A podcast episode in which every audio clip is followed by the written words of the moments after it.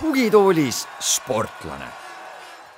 tere, head Õhtulehe spordipodcasti Tugitoolis sportlase kuulajad.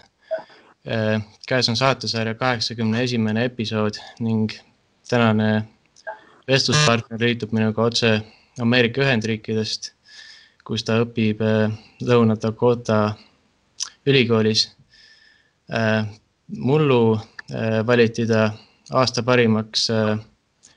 U kakskümmend vanuseklassi kergejõustiklaseks, ta on Eesti parim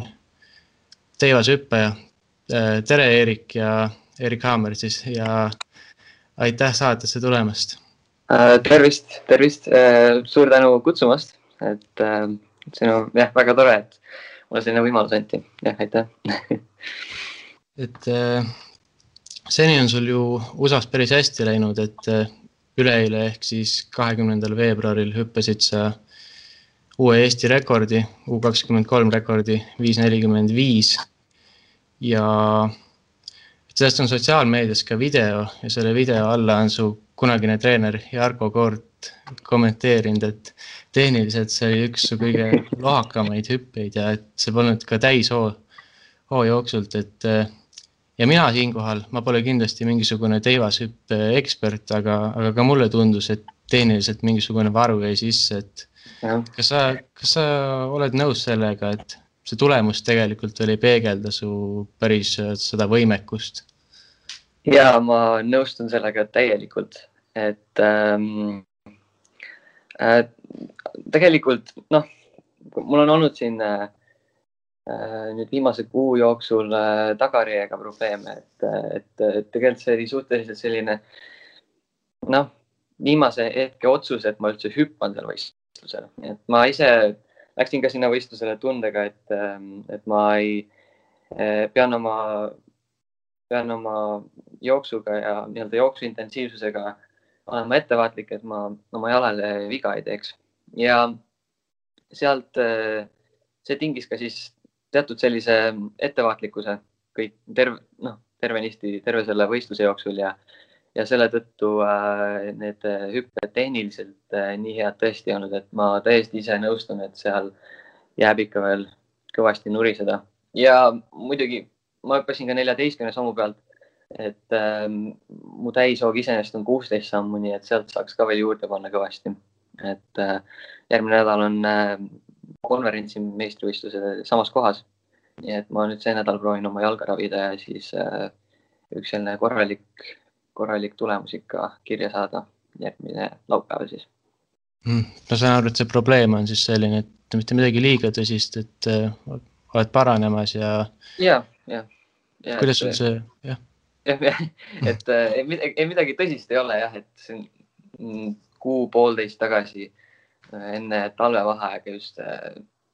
tõmbasin või noh, ma ei tõmmanud päris ära oma tagareit, aga venitasin päris korralikult seda ja, ja, ja sellest taastumine võttis imelikult kaua aega, et ma arvan, ma ise tegin ka seal teatud vigu nii-öelda taastusprotsessi jooksul, aga, aga, aga, aga praegu iseenesest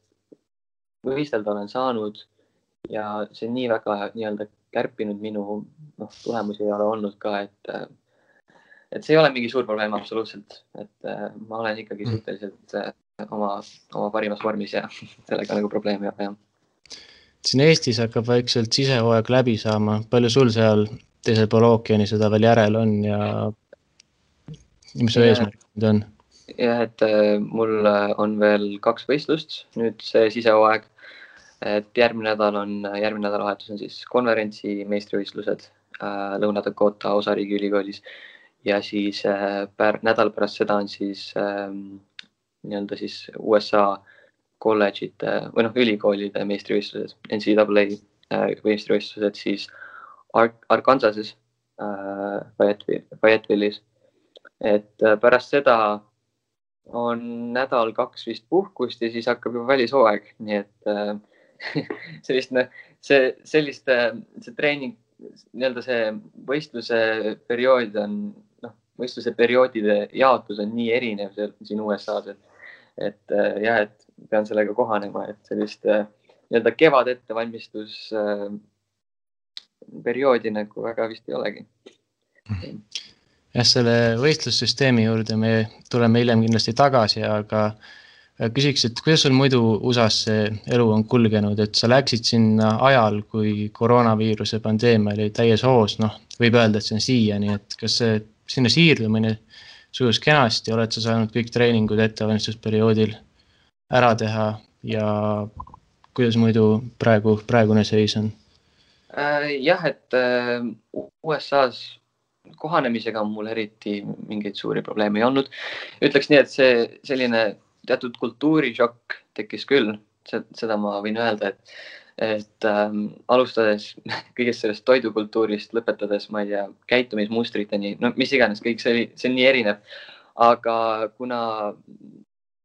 mul on, noh, mul oli see, mul on see kergejõustikumeeskond, kes, kellega ma sain tuttavaks päris kiiresti, siis äh, nemad aitasid ka äh, väga kaasa sellele kohanemisele, et mind toetati palju ja äh, ja aidati, kus vaja ja, ja see aitas, see andis kindlasti väga palju juurde, et aga USA-sse nii-öelda noh, reaalselt nagu riiki äh, sisenemisega ähm, oli ka päris palju raskusi, et äh, aug, siis augusti alguses ikka veel, et vaatasin pidevalt äh, selle konsulaadi leheküljelt, et kas viisa Ähm, viisaintervjuude aegu on avatud ja nii edasi ja nii edasi ja siis äh, äh, lõpuks äh, need ka avati ja sain kiiresti omale aja pandud, et sain viisa kiiresti tehtud ja, ja, ja noh, selles mõttes, et mis oli äh, USA valitsuse või noh, Trumpi administratsioon äh, lasi kusagil augusti keskel välja pressiteate, kus nad ütlesid, et, et Euroopa tudengid, kes õpivad ülikool, üli, USA-s ülikoolides, saavad ikkagi riiki siseneda, nii et ähm, sellega mul väga vedas ka. aga jah, et kui noh, rääkida nagu siin selle koroona nii-öelda sellest ähm, seisukorrast siin, siis äh, hetkel on siin väga rahulik ähm,. esi, esimesel, esimesel semestril oli ülikoolisiseselt päris palju juhtumeid ja oligi, oli isegi ohtu, et ülikool pannakse kinni, kuid Äh, ajapikkuse rahunes maha ning äh, äh, jõuluvaheajalt tagasi tulles oodati väga suurt juhtumite kasvu, aga hetkel on meil ainult ülikoolisiseselt ainult mingisugune kakskümmend, kolmkümmend juhtumit, nii et väga-väga rahulik. arvestades, et ülikool on ise viisteist tuhat inimest, et, et, et väga rahulik ja trennide suhtes, no sportlased on üldiselt nii-öelda omas mullis, et meil on pandud, meid on pandud enam-vähem sellise ultimaatumi, et, et äh, kas, kui sa käid, sa kas valid sport, kas sa, sa valid kas trenni või pidutsemise, et kui sa kusagil mingisuguste, kasvõi noh, kursusesiseste inimeste juurde lähed ja sellest saadakse teada, et siis hullem, hullem, hull, noh, hullem, kõige hullem tagajärg võib olla isegi see, et sind visatakse tiimist välja, et seda võetakse väga tõsiselt meil meeskonnasiseselt et äh, me peame muidugi kogu aeg maske kandma ja, ja, ja distantsi hoidma, aga ikkagi me oleme saanud kõik oma trennid ära tehtud. ja üks asi veel, mis on äh, hästi positiivne just meie ülikooli juures, on see, et me oleme pigem väike ülikool. ehk siis ülikoolisiseselt on väga vähe koroonajuhtumeid ja me oleme samas ka division ühe ülikool ning meie oleme saanud kõik oma trennid ja ettevalmistuse ära teha, võrreldes mõned, mõnede suurte koolidega, kes pidid väga noh, kelle trenn, kelle trennid olid väga vär, noh, pärsitud või noh, jah, et, et, ähm, et meil on sellega väga vedanud ja terve tiim on hästi valmis äh, terveks hooajaks ja, ja vigastusi ka palju pole olnud, nii et, et päris positiivne seis on meil siin, siin University of South Dakotas, et äh, jah mm. -hmm. See kooli pääsemine või kooli valimine sul vist läks üsnagi lihtsalt, ma mäletan, et kui ma eelmisel talvel sain sinuga põgusalt vesteldud pärast U kakskümmend kolm rekordi hüppamist, et siis sa juba ütlesid juba päris kindlalt, et sa oled valinud ülikooli ja sinna sa lähed, et ja. oli see nii? Äh, jah, et äh, see oli tõesti nii. et ma tegelikult minuga, minu vastu hakati huvi tundma juba kahe tuhande kaheksateistkümnendal aastal, kui ma äh, võitsin pronksi U kaheksateist Euroopa meistrivõistlustel ja mm, siis äh, mind huvitas väga University of Akron äh, Ohiost, kus on ka väga hea teadusprogramm iseenesest ja ma rääkisin nendega, noh, suhtlesin nendega väga kaua, aga siis kaks tuhat üheksateist augustis minuga võeti ühendust siit Lõuna-Dakota ülikoolist ja nad pak-, nende pakkumised olid lihtsalt paremad ja ja ma tegin, ma muutsin oma meelt. Ja ma olen väga õnnelik, et ma muutsin oma meelt, ma arvan, et ma tegin parima võimaliku otsuse äh, valides ülikooli, kus teost hüpata mm. -hmm. millised need peamised erinevused on võrreldes äh, Eesti treeningutega um,? no ma, ma kujutan ette, et Eestis treenitakse muidugi väga erinevalt, aga mm, noh, minule, minu puhul eriti, et ma, ma ei ole kunagi nii palju jõusaalis käinud et, et ma ise olen suhteliselt leenuke poiss, aga, aga jah, et nii-öelda ettevalmistusperioodil nägi treeningud välja nii, et, et ähm, nädalas tegime siis äh, kuuel päeval trenni, siis pühapäeval saime puhata. ja nendel kuuest päevast viiel päeval siis äh, me käisime iga kord äh, jõusaalis ning äh, trennid nägid üldiselt välja nii, et meil on hommikuti loengud ja siis äh, äh, pärast loenguid lähme staadionile, teeme erialaseid äh,, nii-öelda erialatrenni ja siis lähme eraldi veel jõusaali trenni tegema. ja kogu trenn mm, venis kusagil noh, kolme kuni nelja tunni sisse, et äh,, et äh, kui ma, nagu ma mõtlen nüüd jah, ma ütleks jah, kõige suurem erinevus on see, et ma olen väga palju rohkem jõusaalis teinud Eh, trenni ja, ja, ja väga palju spets-, noh, spetsialiseerutakse jah, sellisele jõu arendamisele. aga mul on tunne, et mu ülikool, minu ülikool spetsiifiliselt on natuke erinev äh, ülejäänud teistest USA ülikoolidest, et meil on, meil on see nii-öelda, nii-öelda selline eelis, et meie tiim on suhteliselt väike ja seetõttu iga treener jõuab iga Äh, sportlase juurde ning iga sportlasega tegeletakse individuaalselt. Mis mulle ülimalt meeldib siin ülikooli juures, see on üks äh, suur, üks põhjuseid, miks ma siia tulin ka, et, et, ähm, et vot jah, et siin pannakse rõhku igale sportlasele väga ja selline, selline tiimi ühine ähm, meeleolu on ka väga positiivne. et mm -hmm. jah, vot. see just tahtsingi küsida, et tihti on kasvõi Eesti sportlaste näidetel see, et esimesed need USA ülikooli aastad kulgevad hästi raskelt, aga sul on noh, kasvõi juba tulemusi vaadates näha, et sina oled seda suutnud vältida, sul on areng toimunud, et ilmselt see vist ongi selle taga, et see individuaalne lähenemine treeneritelt. see on, see on kindlasti see põhjus, et, et jah, et nii-öelda kui ma ütlen nüüd teistele nagu Eesti sportlastele ka, kes mõtlevad tulla USA-sse, et kui sa tuled USA-sse, sa pead ikkagi vaatama väga täpselt, et kui palju, kui sinule kui individuaalsele sportlasele pannakse tähelepanu, pööratakse tähelepanu. sest et kui sa lihtsalt hajud sinna halli massi, siis äh, sa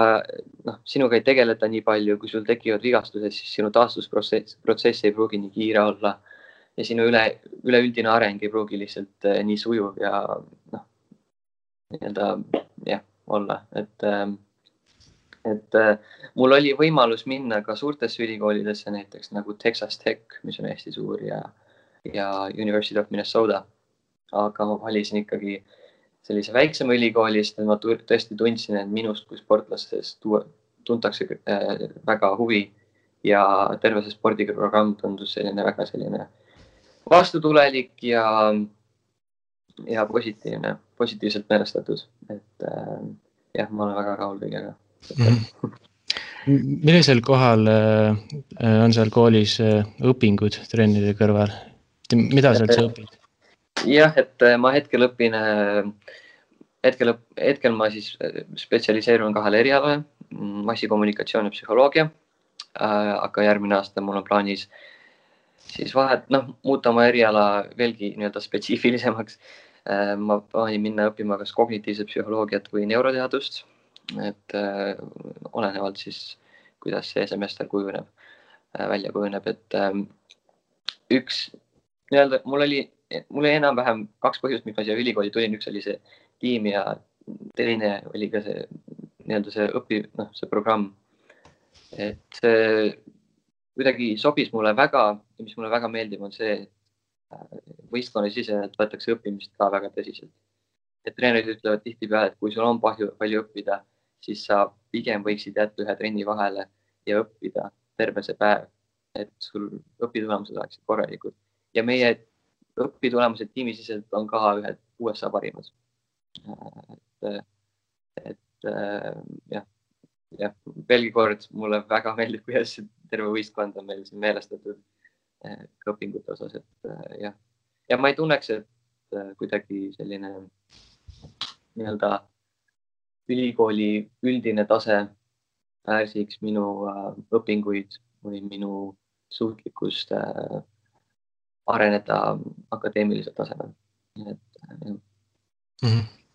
ühe asjana sa enne tõid välja, et kui sa soovitaksid kellelegi, kes tahavad USA-sse õppima tulla, seda, et ja sporti tegema, et valiksid sellise koha, kus neile lähenetakse individuaalselt, aga oskad sa midagi veel soovitada, et mida, mida võiks vaadata mm? -hmm. et äh, no ja see, see minu arust, see oleneb väga sportlaseti, et, et mida prioriteet, äh, mida, mida noh, vaadatakse kui prioriteeti, et kui sinu prioriteet on minna suurde ülikooli ja elada noh, täiel rinnal seda ülikooli melu, siis muidugi vali suur, suurem ülikool, aga kui sul, kui sul, kui sul on ikkagi sellised teised eesmärgid, et jõuda spordis kaugele, siis vaata ikkagi eelkõige seda spordiprogrammi. ma ei ütle üldse seda, et, et suurtes ülikoolides on halvad programmid. väga nagu tõesti väga head võistkonnad äh, noh, tulevad ka suurtest ülikoolidest, aga lihtsalt, et sa pead vaatama, millise suure ülikooli sa võtad, et, et, et noh, mina kui sportlasena ei tahaks olla selline, kes, kes peab ilmtingimata võitlema selle eest, et talle pööratakse tähelepanu. see noh, tähelepanu all ma mõtlen seda, et tema eest hoolitakse et, et jah, et selle ülikooli valikuga peab väga ettevaatlik olema, kindlasti äh, kui, kui, kui, kui, kui nagu teatud noh, kui keegi Eesti sportlane läheb USA ülikooli ja räägib mingi treeneriga, siis panna kindlasti tähele seda, kas teisi ülikooli teha, teha, äh, tehakse maha. Äh, et kuidas on treeneri enda suhtumine. et äh, treenerid tihtipeale räägivad sellise väga magusa jutu kokku, aga kui sa seda vajalikku informatsiooni sealt välja ei nopi, siis sa võid lõpuks vale valiku teha. et, et see on ka väga tähtis ja kindlasti jah, et olla, olla kursis ja teada väga hästi mida sa nii-öelda, milles sa ennast segad, kui sa siia USA-sse tuled. et äh, ma kindlasti ei ütle seda, et nüüd noh, et, et see on selline ohtlik koht või midagi, see on kindlasti väga hea võimalus äh, väga kaugele areneda, aga lihtsalt, et äh, tuleb olla ettevaatlik ja, ja, ja, ja ma ei oskagi öelda, no lihtsalt ma tahan lihtsalt öelda seda, et see on väga, see on väga tähtis otsus sinu enda sportlaskarjääris. et selle üle tuleb pikalt mõelda, millise valiku sa lõpuks teed, et jah, see võib, see võib väga oluliseks faktoriks muutuda sinu enda sportlaskarjääris selge, et äh, loodame, et kõik need, kellel see valik veel ees seisab, et nad panevad selle sinu öeldu kõrva taha kenasti. tuleme nüüd äh, järsult teivashüppe spetsiifiliste küsimuste juurde, et see on üks selliseid alasid, kus viimaste aastatega on tase pööraselt tõusnud, et kuus meetrit pole enam midagi sellist, mida tingimata pidada fenomenaalseks, et Mm. mida, mida sina arvad, et mis selle taga võib olla, et praegu hüpatakse ju samade teivastega, mis sisuliselt viisteist aastat tagasi ja imesussidega ollakse veel jooksualade juures, et teib, teibani pole veel jõudnud, et tehnoloogias midagi revolutsioonilist pole ju otseselt juhtunud. jah äh,, ma ütleks, et äh, see, mida me praegu kogeme, on lihtsalt generatsioonide muutus või noh, generatsioonide vahetus. alustades siis Renault Lavilleniist äh, Äh, kes, kes, kes näitas, et, et lühike ja kiire ja kleenuke mees suudab tõesti väga kõrgele hüpata. ja, ja pärast seda, pärast teda on väga palju, noh, aastate jooksul on väga palju temataolisi sportlasi ka üldisesse plaani äh, tulnud. ja noh, kindlasti Mondo Duplantis on olnud see kõige mõjukam sest et tema nii-öelda võttis Renault tehnika ja nii-öelda tegi sellest oma versiooni ja, ja see on noh, tuleb välja, et see on väga tõhus olnud. et minu arust praegusel hetkel ongi nii-öelda kahte tüüpi hüppajaid, need, kes on suured ja tugevad ja teised, kes on noh, natuke pe penikesemad, aga väga kiired. ja, ja, ja ma lihtsalt jah, ma lihtsalt ütlengi, et see on minu arust gener generatsioonide vahetus ja minu arust see näitab, et, et, et see nii-öelda see uus kehatüüp on lihtsalt äh, tõhusam ja suudab kõrgemale hüpata. sest et kui me hakkame neid äh, nüüd noh, analüüsima neid, kes nii-öelda kõrgele hüppavad, siis ainsad, kes üle kuue meetri hüppajad tegelikult on ja kes on nii-öelda selle vana kooli äh, nii-öelda kehatüübiga on, ma ütleks võib-olla Piotr Liisek, kes on hüpanud nüüd kuus null kaks vist või kuus null viis isegi eelmine hooaeg, et, et äh, jah, ja, ja kui nüüd rääkida nii-öelda reaalselt kõrgustest, siis äh, ma arvan, et äh, põhjus, miks nii paljud mehed järsku üle kuue meetri hüppavad, on lihtsalt äh, mõju, noh, on selle see on äh, Mondo Duplantise nii-öelda tulemus või noh, selle fenomeni tulemus, et, et, äh, et äh, ega kui me võtame näiteks noh, siin, kui me võtame näiteks nii-öelda miili maailmarekordi, siis, siis oli vaja ainult ühte meest, kes jookseks alla nelja minuti ja siis järgneva aasta jooksul jooksis vist umbes kümme inimest jooksid alla nelja minuti, et ma arvan, et seesama, sama praegu tõlgendub lihtsalt teivashüppes, et kus Mondo lihtsalt hüppab üle kuue kaheksateistkümne ja teised näevad seda kui äh, noh, lihtsalt paratamatust, et kui sa tahad olümpiamedalit saada, siis sa pead lihtsalt üle kuue meetri hüppama ja see on kõiki nii hullult motiveerinud, et nüüd äh, jah, lihtsalt kõik lihtsalt kõmmutavad et äh, vot jah, et ma nagu selle kohta jah, selle, see on nagu minu arvamus. kuidas sa ise sellesse suhtud, et see tase nii kõrge on, et on see nagu inspireeriv, motiveeriv või, või hoopis vastupidi? Ei, see motiveerib mind väga, ma ise nagu vaatan seda kui sellisena, et, et kui nii palju mehi hüppab kuue, üle kuue meetrit, siis miks mina ei võiks kunagi üle kuue meetri hüpata. et äh, ma ise tunnen, et mul endal on ülimalt potentsiaali ja see mind, see motiveerib mind kõige rohkem, ma arvan, et ma ise näen, kuidas või noh, ma ise saan aru, et minu, et ma ei ole oma nii-öelda laeni veel jõudnud absoluutselt. et äh, see kuus meetrit, ega see nii-öelda mingi kerge ülesanne ei ole, aga, aga näiteks ma, ma olen oma peas juba läbi mõelnud, kuidas ma peaksin jõudma näiteks viie kaheksakümneni.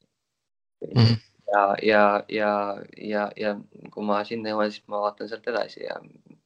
ma, ma tunnen küll, et ma ei, see, see kindlasti motiveerib mind ja ma olen üsnagi kindel, et ma hüppan ise ka kunagi kuus meetrit Mhm.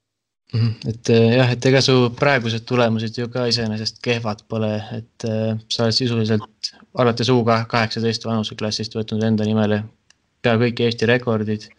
sa pole mitte nagu ainult neid ühe või kahe sentimeetriga parandanud, vaid seda taset ikka isegi täitsa upitanud, ma ütleks, et äh, seda ilmselt ilmestavad hästi need head tulemused tiitlivõistlustel, et U kaheksateist EM-i kolmas mees ja noorte olümpiamängude neljas mees, et äh, kuidas, kuidas sina üldse teivashüppe juurde jõudsid ja mis on aidanud sul äh, niivõrd äh, kõvaks meheks saada? jah, et ähm, no ma jõudsin teivashüppe juurde, ma arvan, et see oli, ma, ma arvan, ma olin kümme või üksteist, et Hendrik Lindepuu, kes on siis endine teivashüppe treener praegu, tõlgib poola, poola keel, keeles, et noh, ta on poola keele tõlk, et äh, ta lihtsalt äh, nägi mind äh, Tartu Ülikooli spordihoones ja oli, ütles, et no poiss, tule hüppama. Ja minu esimene hüppetrenn vist enam-vähem oligi võistlusel. Et, et see oli selline huvitav seik, et aga ma pean tõesti väga tänulik olema Hendrik Lindemoole, sest et tänu temale ma tegelikult nii kõrgele hüppan, noh, noh, olengi jõudnud sellepärast, et et ma mäletan väga hästi, kuidas ta ütles mulle, et äh, nii-öelda poiste puhul on vajalik äh, teevashüppe algtõed selgeks õpetada üheteistkümne, kaheteistkümne aastaselt. ja minu arust äh, täpselt seda ta minuga ka tegi, ja, ja jah, tänu nendele põhitõdedele, mis tema mulle andnud on, tänu sellele ma ka siia olen jõudnud, ma arvan. muidugi ka suured tänud ka Jarko Kordile, kes oli, kes on siis minu nii-öelda teine treener pärast Hendrik Lindepud, et temaga koos me äh, pusisime ja mudisime seda tehnikat vastavalt minu äh, võimetele ja, ja, ja meie koostöö sujus ülimalt hästi. ma ei oleks kunagi arvanud, et see nii hästi läheb. ja, ja tõesti, et äh, mul on treeneritega väga vedanud ja ka tänud ka Harri Lembergile, kes mind viimasel aastal on juhendanud, et jah, et tänu temale ka olen suutnud oma taset hoida ja äh, valmistuda nii-öelda siiasse USA-sse tulema, tule, tulemiseks, jah, just. et äh, sa ütlesid, et põhitõed tuleb selgeks õpetada üheteist, kaheteist aastaselt, et järelikult täitsa, täitsa õigel ajal leidsid omale selle ala, et aga samas teivashüpe on hästi noh, vähemalt pealtvaatajale tundub, et hästi ohtlik ala ja ilmselt mingi terake tõtt sellel on, et kas sul pole selle ala ees kunagi mingit hirmu olnud? no eks ikka on, et üks asi, miks, üks asi, ma arvan, miks mulle teevashüpe nii väga meeldima hakkas, oli ka see, et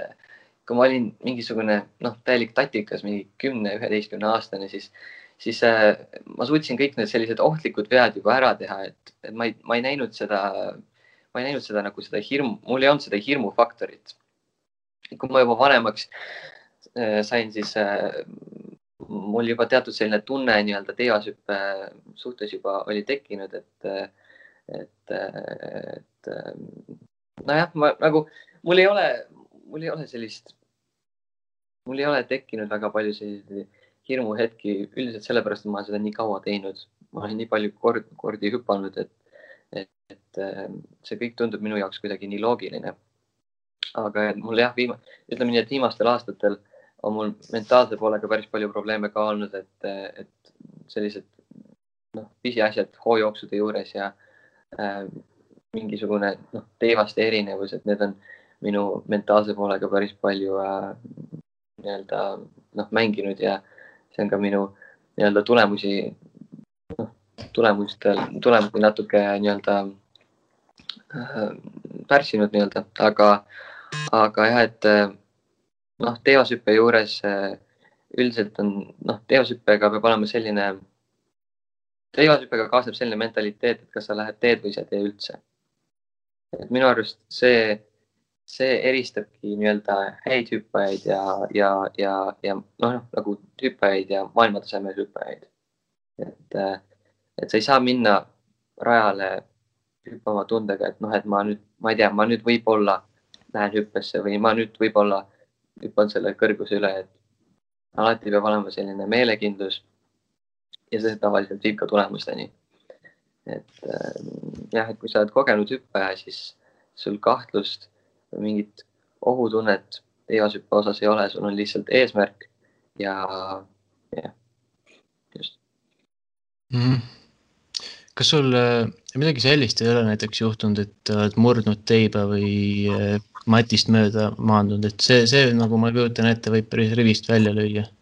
ja, ja selliseid asju ikka on ette juhtunud, ma olen vist murdnud kaks teivast ära. et ähm, aga ütleme nii, et minu arust see noh, selles mõttes, et selliste asjadega tuleb arvestada, et ähm, see nii-öelda selliseid asju saab äh, nagu saab noh, kergelt vältida ka, et näiteks kui teiva murdumist saab vältida sellega, et äh, sa pidevalt hoolitsed oma teevaste eest, oma teevaste eest ja vaatad, et mingisuguseid täkkeid ega mingeid vigu selles teivas ei ole. ja samuti ka ähm, noh, ütleme nii, et sellised, sellised juhtumid, et kus sa kukud äh, matist mööda või teias murdub, et need, need tekivad ka üldiselt äh, sellistes hetkedes, kus sa ei ole piisavalt enesekindel, et mingisugune tehniline, tehniline nii-öelda aspekt jääb, äh, jääb sooritamata ja sellepärast ka sellised vead tekivad. et, ähm, et ongi see, et noh, jällegi teadusõppe juures on see, et kas sa lähed teed või sa ei lähe, ei tee üldse. et äh, kui sa ei ole selleks valmis, siis teadusõppe paraku ei ole sinu jaoks kuidas sa iseennast kui sportlast iseloomustaksid, et pealtvaatajale sa jätad sellise hästi emotsionaalse mm -hmm. spordimehe mulje? Äh, jah, mul on, ma ise olen suhteliselt selline emotsionaalne inimene, et ähm, ma ei tea, mul on vahepeal öelda, et ma näen selline kuidagi väljaspoolt näen selline ülbe või kuri välja, aga aga, aga, aga ma olen päris kindel, et kui inimesed, keegi saab minuga rohkem tuttavaks, nad saavad aru, et ma tegelikult täitsa tore kutt, vaata et, et äh, jah, ma olen, ma olen väga emotsionaalne inimene ja tihtipeale ma ise, noh, ma olen suhteliselt äh, vihane enda peale tihtipeale, kui ma ei suuda oma nii-öelda emotsioone äh, vaos hoida. elan ennast väljakul välja, et see ei ole väga noh, ei ole väga sport, sportlaslik või et, et ma, ma jah, jah, mul on selliseid hetki, kus ma tõesti saan enda peale väga vihaseks ja elan ennast välja, aga, aga ma püüan äh, seda vaikselt välja juurida, et äh, mul tihtipeale on see ka, et kui ma, kui ma ei aja ennast nii emotsionaalseks, siis mul üldiselt tulevad äh, nii-öelda noh, üleüldiselt tulevad paremad, paremad hüpped ka välja. et, et jah, et ma peaksin ikkagi, püüan ikkagi olla pigem eeskujuks kui, kui halvaks näiteks teistele noorematele sportlastele. jah jah, eks, eks ma ise arvan ka, et emotsioonita, noh, täiesti ilma emotsioonita sport pole ka mingi õige sport, et need emotsioonid tuleb enda kasuks ära, ära kasutada, aga sa ütlesid, et sul on olnud nagu selliseid äh, vaimseid, vaimse poole pealt tagasilööke, et kuidas sa nendest üle oled saanud äh,? ma tahaks, jah, ma tahaksin siinkohal tänada hästi palju näiteks Aave Hannust. Äh, ta on Eesti spordipsühholoog, hästi tõesti äh, väga hea spordipsühholoog, et äh,, et äh, ma ütleks nii, et kui noh, nii-öelda sellised vanakooli, vanakooli äh, treenerid ütlevad tavaliselt, et, et lihtsalt hüppa üle nüüd, noh, et mida sa verised eks ole. aga et kui, kui tegemist on ikkagi tõsisema probleemiga, siis kõige, kõige, kõige tähtsam oleks ikkagi otsida abi. et sa ei jääks oma murega üksi, rääkida kasvõi oma sõpradega oma probleemidest. kasvõi jah, kasvõi oma probleemidest rääkimine annab niivõrd palju juurde, et, et ja, ja need lihtsalt aitavad, et ja ja kui selliseid mentaalseid tagasilööke tekib, siis ei tohiks kindlasti alla anda, et igale, igale mõõnale järgneb ka noh, selline tõus, et, et ma arvan, et sellised mentaalsed plokid panevadki meid kõige rohkem eh, proovile. ja, ja minu arust nendest, nendest nii-öelda väljatulemine näitab kõige paremini, kui, kui, kui palju me armastame seda sporti ja kui tugevad me tegelikult mentaalselt oleme ja mul on tunne, et ma olen, noh, mul nüüd kahel viimasel aastal on mentaalse poolega päris palju nii-öelda noh, selliseid tagasilööke olnud, aga, aga, aga ma ütleks, et ma olen vastu pidanud ja ma olen nüüd taas sellises, sellises situatsioonis, sellises hetkes, kus ma tunnen ennast väga enesekindlalt ja, ja, ja ma usun endasse palju rohkem mm. -hmm. kuidas sind kui kristlast on sportlaste elu usk aidanud ja kui, millisel kohal see sulle elus on? Usk on minu elus ülimalt tähtis. Eh, üks kõige tähtsamaid asju arvatavasti, kuna terve mu pere on väga kristlik, mu isa on pastor, mu onud on pastorid, mu vanaisa on pastor, mu vana-vanaisa oli pastor, et, et, eh, et jah, et see, see usk on meie suguvõsas väga tähtis. Ja, ja ma ütleks, et äh, mina ütleks, et äh, sellised äh, tulihingelised kristlased on üldiselt äh,, tulihingelised, noh, usklikud on üldiselt äh, ka mentaalselt tugevamad. kui sul, ütleme nii, et kui sa juba usud millessegi, mida sa füüsiliselt ei saa näha, siis see minu arust juba osaliselt näitab, et kui palju sellist äh, ähm, noh, sellist psüühilist tugevust, vaimset tugevust sul tegelikult on. ja, ja selline pidev äh, usk ja lootus Jumalasse ja teades, et, et mis iganes juhtub, et see on ette planeeritud ja, ja tema teab kõige paremini äh,, noh, igal, igal, igal asjal on, eks ju, oma põhjus ja, ja see, see, see süstib ka minus sellist lootust, et, et, et, et ma kunagi jõuan kusagile väga kõrgele ja ma tõesti saadan korda suuri asju. Et ma panen väga palju usku Jumalasse ja,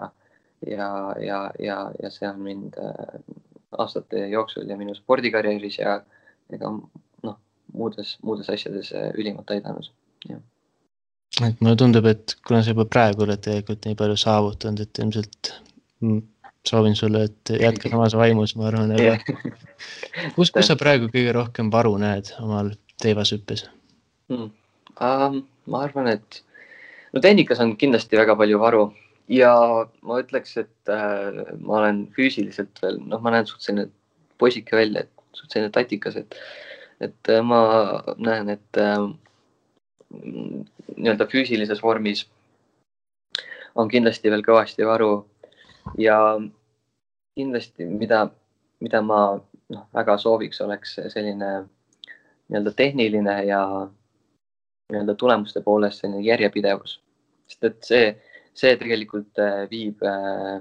äh, kõige kõrgemale, et ma mäletan, et kui Mondo esimest korda kuus meetrit hüppas, siis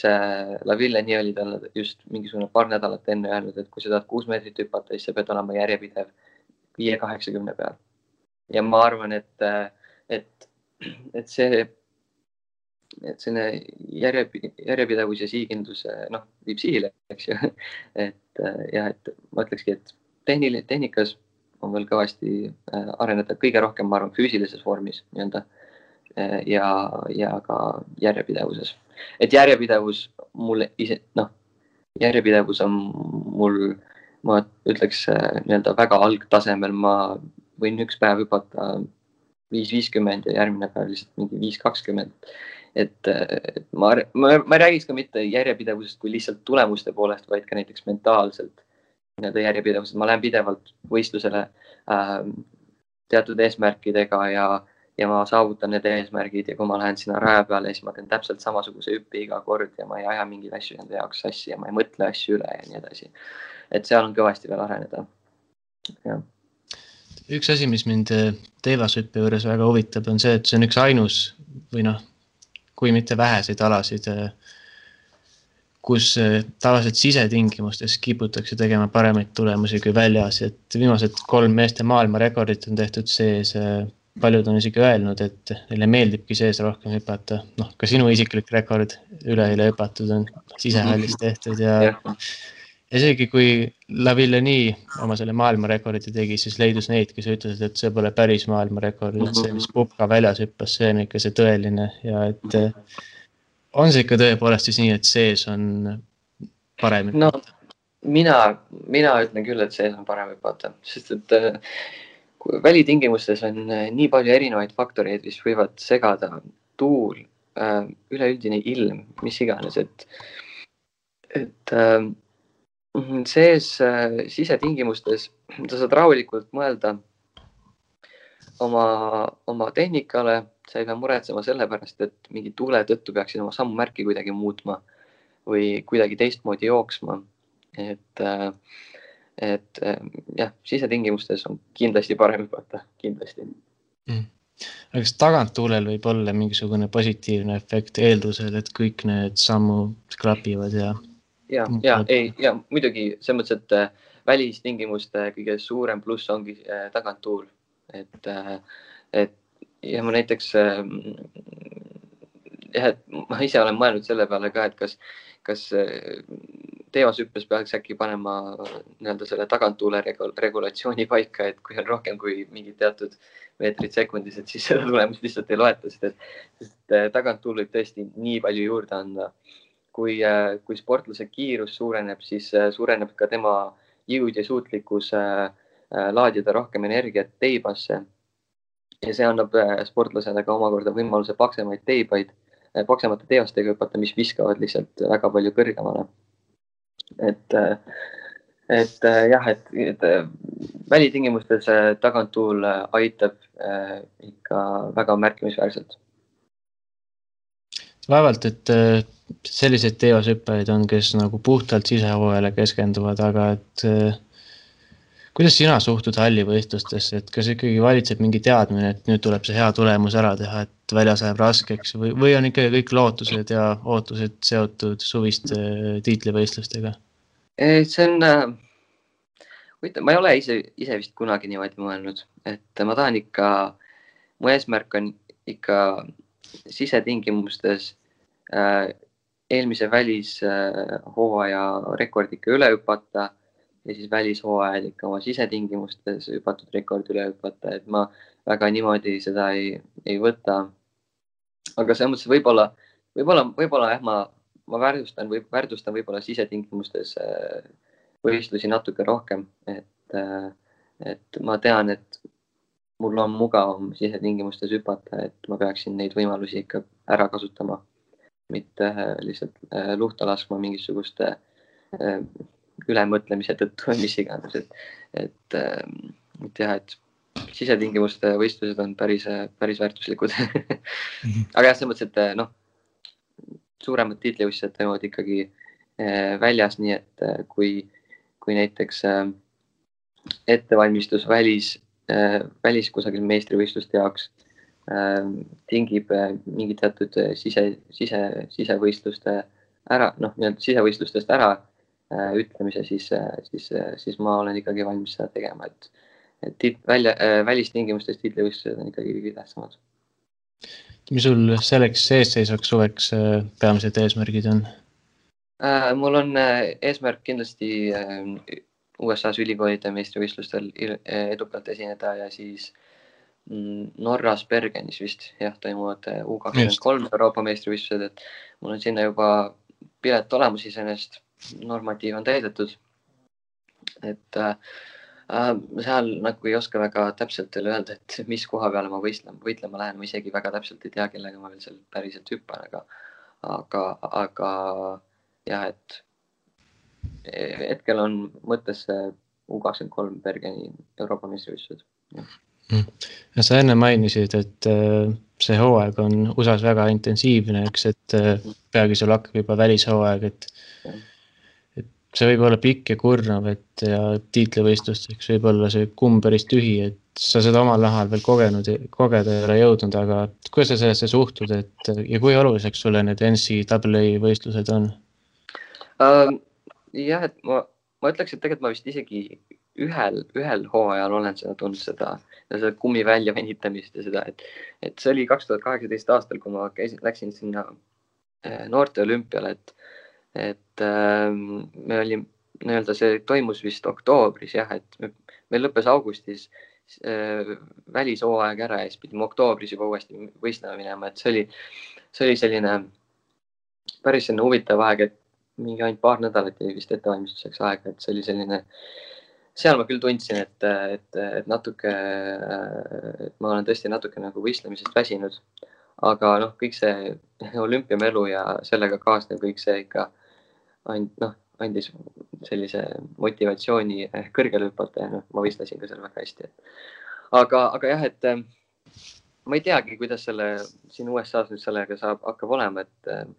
mul iseenesest mu treener teab väga hästi, et ma ei ole selliste, sellist, selliste võistlustingimustega harjunud üldse, aga, aga ütleme nii, et äh, see, kui mul on lihtsalt vaja rohkem puhata, siis ma suhtlen treeneriga ja me teeme vastavad, vastavad äh, muutused siis oma treeningplaanidesse, oma võistluskavas vastavalt sellele ja, ja, ja ma olen, ma olen päris kindel, mu treener ise tahab ka, et ma ikka U kakskümmend kolm seal Euroopa meistrivõistlustel hästi esineks, et, et me kindlasti lähtuvalt sellest ka äh, valime oma treeningplaani et äh, aga jah, et need äh, NCAA meistrivõistlused on kindlasti minu jaoks väga tähtsad. ma, see on, see on väga kõrgel tasemel võistlus, eriti praegu viimastel aastatel, kus on, kus nii-öelda viis, viis, viie, seitsmekümne, viie, kaheksakümne mehi on nii palju juurde tulnud. see on täiesti minu arust ulme. Ähm, et ma olen väga põnevil noh, mis, mis see võistlus toob ja ja ma kindlasti tahan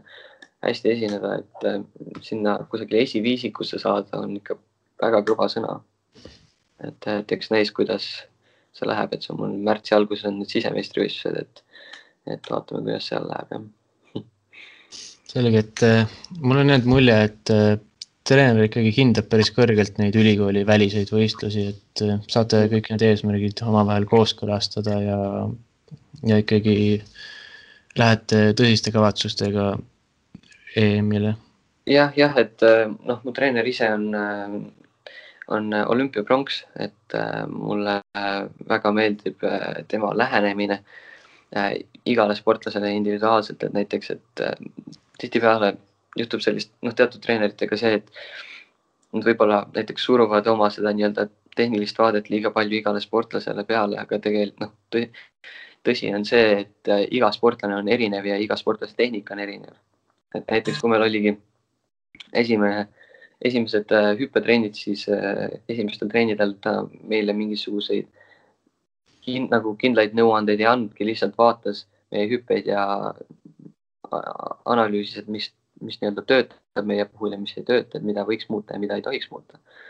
et ma olen äh, väga, tänulik, et ma sellise treeneriga, treeneriga nii-öelda ühendust sain ja,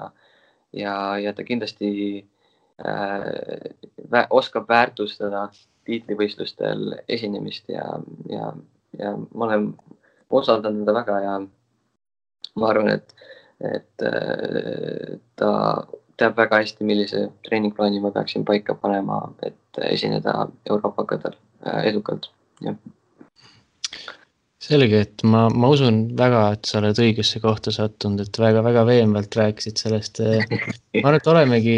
nüüd saates jõudnud finišisse, et äh, tänan sind väga, et sa tulid veel kord, soovin sulle palju edu tulevasteks võistlusteks ja, ja head kuulajad, järgmine episood on järgmisel reedel, et jääge ikkagi ootama suured tänud, suured tänud, et mind siia kutsusite ja, ja aitäh. Oh..